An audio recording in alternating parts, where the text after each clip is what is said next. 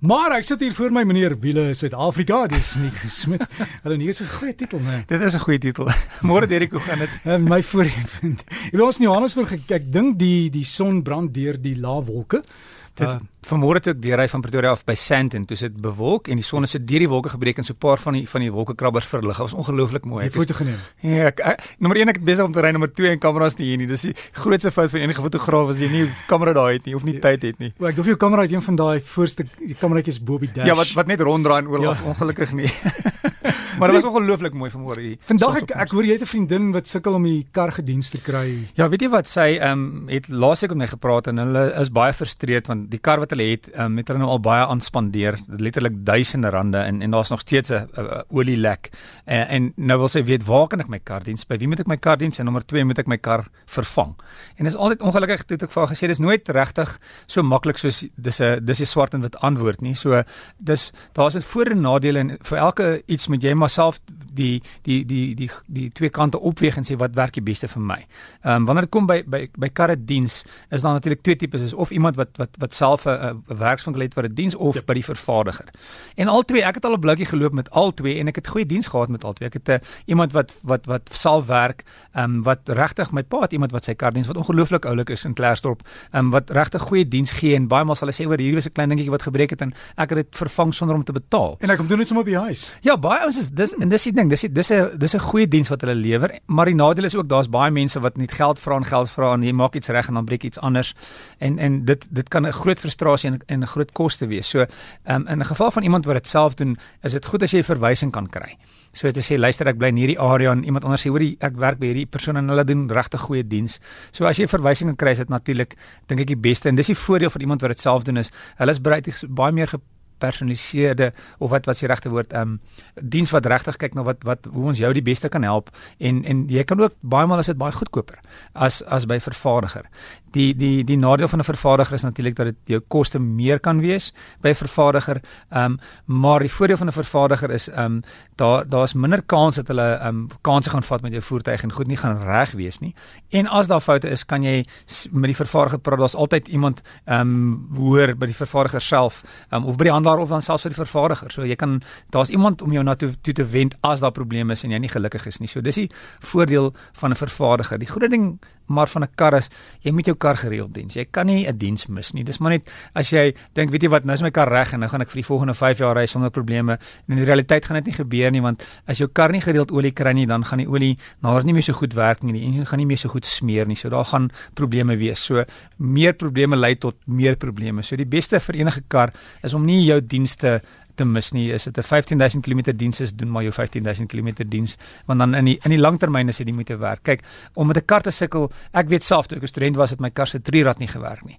So oral waar ek ry moet ek kreatief parkeer sodat ek nie hoef agteruit te ry nie, sodat oral wat ek net weer vorentoe kan uitry of dis ek het gekyk vir iets waar dit skuins is sodat ek die koplaar kan intrap in die kar kan terug gaan. Ek het nie genoeg geld gehad om my kar reg te maak nie. En in die meeste van die ouens wat in 'n motor werk, of dit nou handelaar is of 'n privaat persoon, as jy vir hulle sê hoor ek's nie gelukkig met wat gebeur het of daar's nog iets fout, sal hulle moeite doen om dit te probeer regmaak.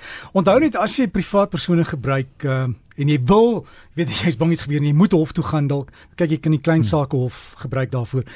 Hulle gaan vir jou vra waar is die kwitansie, waar is die papierwerk? En as dit net uh, geld is wat hande verwissel, nee. Dit werk nie want jy het nie bewyse nie. Dis papier, papier, papier, selfs met die handelaar is nodig. Dis en dis 'n belangrike ding is is daai en, en, uh, presies wat wanneer is die kar gediens, wat is die goeder wat vervang is, wat is die koste, wat het jy betaal? Jy's reg en dit dis die dis dis die vervaardigers selfs moedervervaardigers nou is baie maal elektronies. So dis nie meer ook nie meer 'n stuk papier nie, dis 'n elektronies op 'n stelsel. So jy as jy 'n voertuig koop kan jy sê hoorie wanneer is hierdie kar gediens? Ehm um, en jy kan sien wat is die goeder wat op die dienste vervang is. Ehm um, in die geval van moet ek 'n nuwe kar koop want hierdie kar gee my probleme, is dit weer eens nie so maklike antwoord nie. Die ehm um, as jy as jy die kar ehm um, klaar afbetaal het en jy sit geld weg wat ons ongelukkig die meeste van die tyd nie doen nie, dan is dit maklik as dat jy het bietjie geld in in die bank as iets gebeur, um, weet ek ek moet dit vervang. En ek het geld daarvoor want hoe ouer 'n kar raak is in die realiteit goeders gaan maar net breek. As die kar 20 jaar oud is, is die kans vir goeders breek baie meer as wat die kar nuwer is. Nie dat nuwe karre, nuwe karre gee ook probleme. Ek weet nou en dan hoor ek van iemand wat 'n nuwe kar het en dan die kar langs die pad gaan staan. So dit kan ook gebeur, maar die kans vir goed breek op 'n nuwe kar is altyd minder as die kans vir goed breek op 'n ouer kar. En as jy nou 'n ou kar koop met 8 silinders en wat 20 jaar oud is, het baie lekker krag en dit klink baie mooi, maar as jou kar moet diens kos dit meer as goeders breek kos dit meer. So as as as die finansies 'n groot ding is en is iets waarna jy regtig kyk en jy moet 'n kar koop, oorweeg dan eerder 'n kar waar jy parte makliker kan kry, 'n vervaardiger wat meer populêr is, waar is meer handelaars in elke dorp, hulle het gewoonlik dan ander um plekke waar jy ook kan parte goedkoper kry.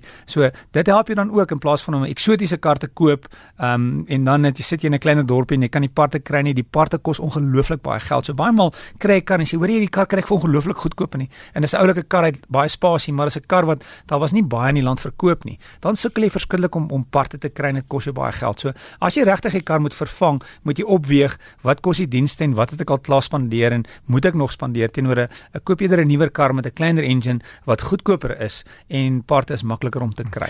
'n Goeie maatstaf is jou versekerings. Jy sal sien as die premie baie hoog is, dan weet jy dis ja, heel moontlik 'n motor met ingevoerde parte of te skaars, want as hulle motor moet regmaak na ongeluk dan weet hulle maar om die parte te kry. Dis presies dit. Ek ken iemand wat wat wat 'n uh, 'n uh, voertuig gekoop het wat die parte is ongelooflik duur en sit in die kar staan al vir 'n jaar en dan um, moet iemand die motor instel nadat jy die part ingesit het wat ook 'n uh, 'n duur storie is. So dis ongelukkig baie maal die die frustrasie en en dis hoekom dit meeste mense maar hou daarvan om om vervaardigerskarre te koop wat jy maklik kan kry.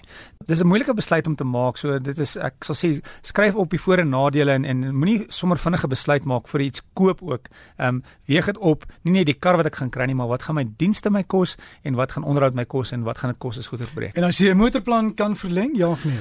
Ehm um, dit hang af hoeveel jy ry. Dis en dis ook gemoedsrus. 'n uh, Diensplan is is alles wat wat wat jy voorbetaal as jou kar moet dien. So dis maar net gewoonlik vonkproppe in die arbeid. En 'n motorplan is ehm um, remme wat vervang word, sal die vervaardiger betaal, ruitveers. My kar het 'n motorplan en dis dis een ding wat regtig mens betaal meer daarvoor, maar dis baie gerieflik om te stop. Ehm um, in die oggend en die middag kry ek my setel en sê ons het hierdie en hierdie vervang en dit dit dis nie 'n probleem nie. 'n uh, Motorplan is altyd die beste as jy dit kan bekostig. As jy meer ry, is dit goed om te verleng en as jy wil verleng, ehm um, jy weet ek kry meer, ek gaan die kar vir lang tyd hou. Is dit dalk miskien nie moeite werd om jou verlenging te doen wanneer jy die voertuig koop en daai verlenging dan deel van die koopprys te maak want dan voel jy dit minder as oor kom ons sê oor 4 jaar moet jy R30000 betaal en jy, jy het nie daai R30000 nie. As jy dit finansier, um, dan gaan jy dit minder voel en dan dan het jy die plan vir kom ons sê nog 7 jaar en 200000 km. Wat so gesels ons met ons motorkenner, Nico Smit. Nico, wat is ons wese praat volgende week weer? Ja, lekker naweek verder.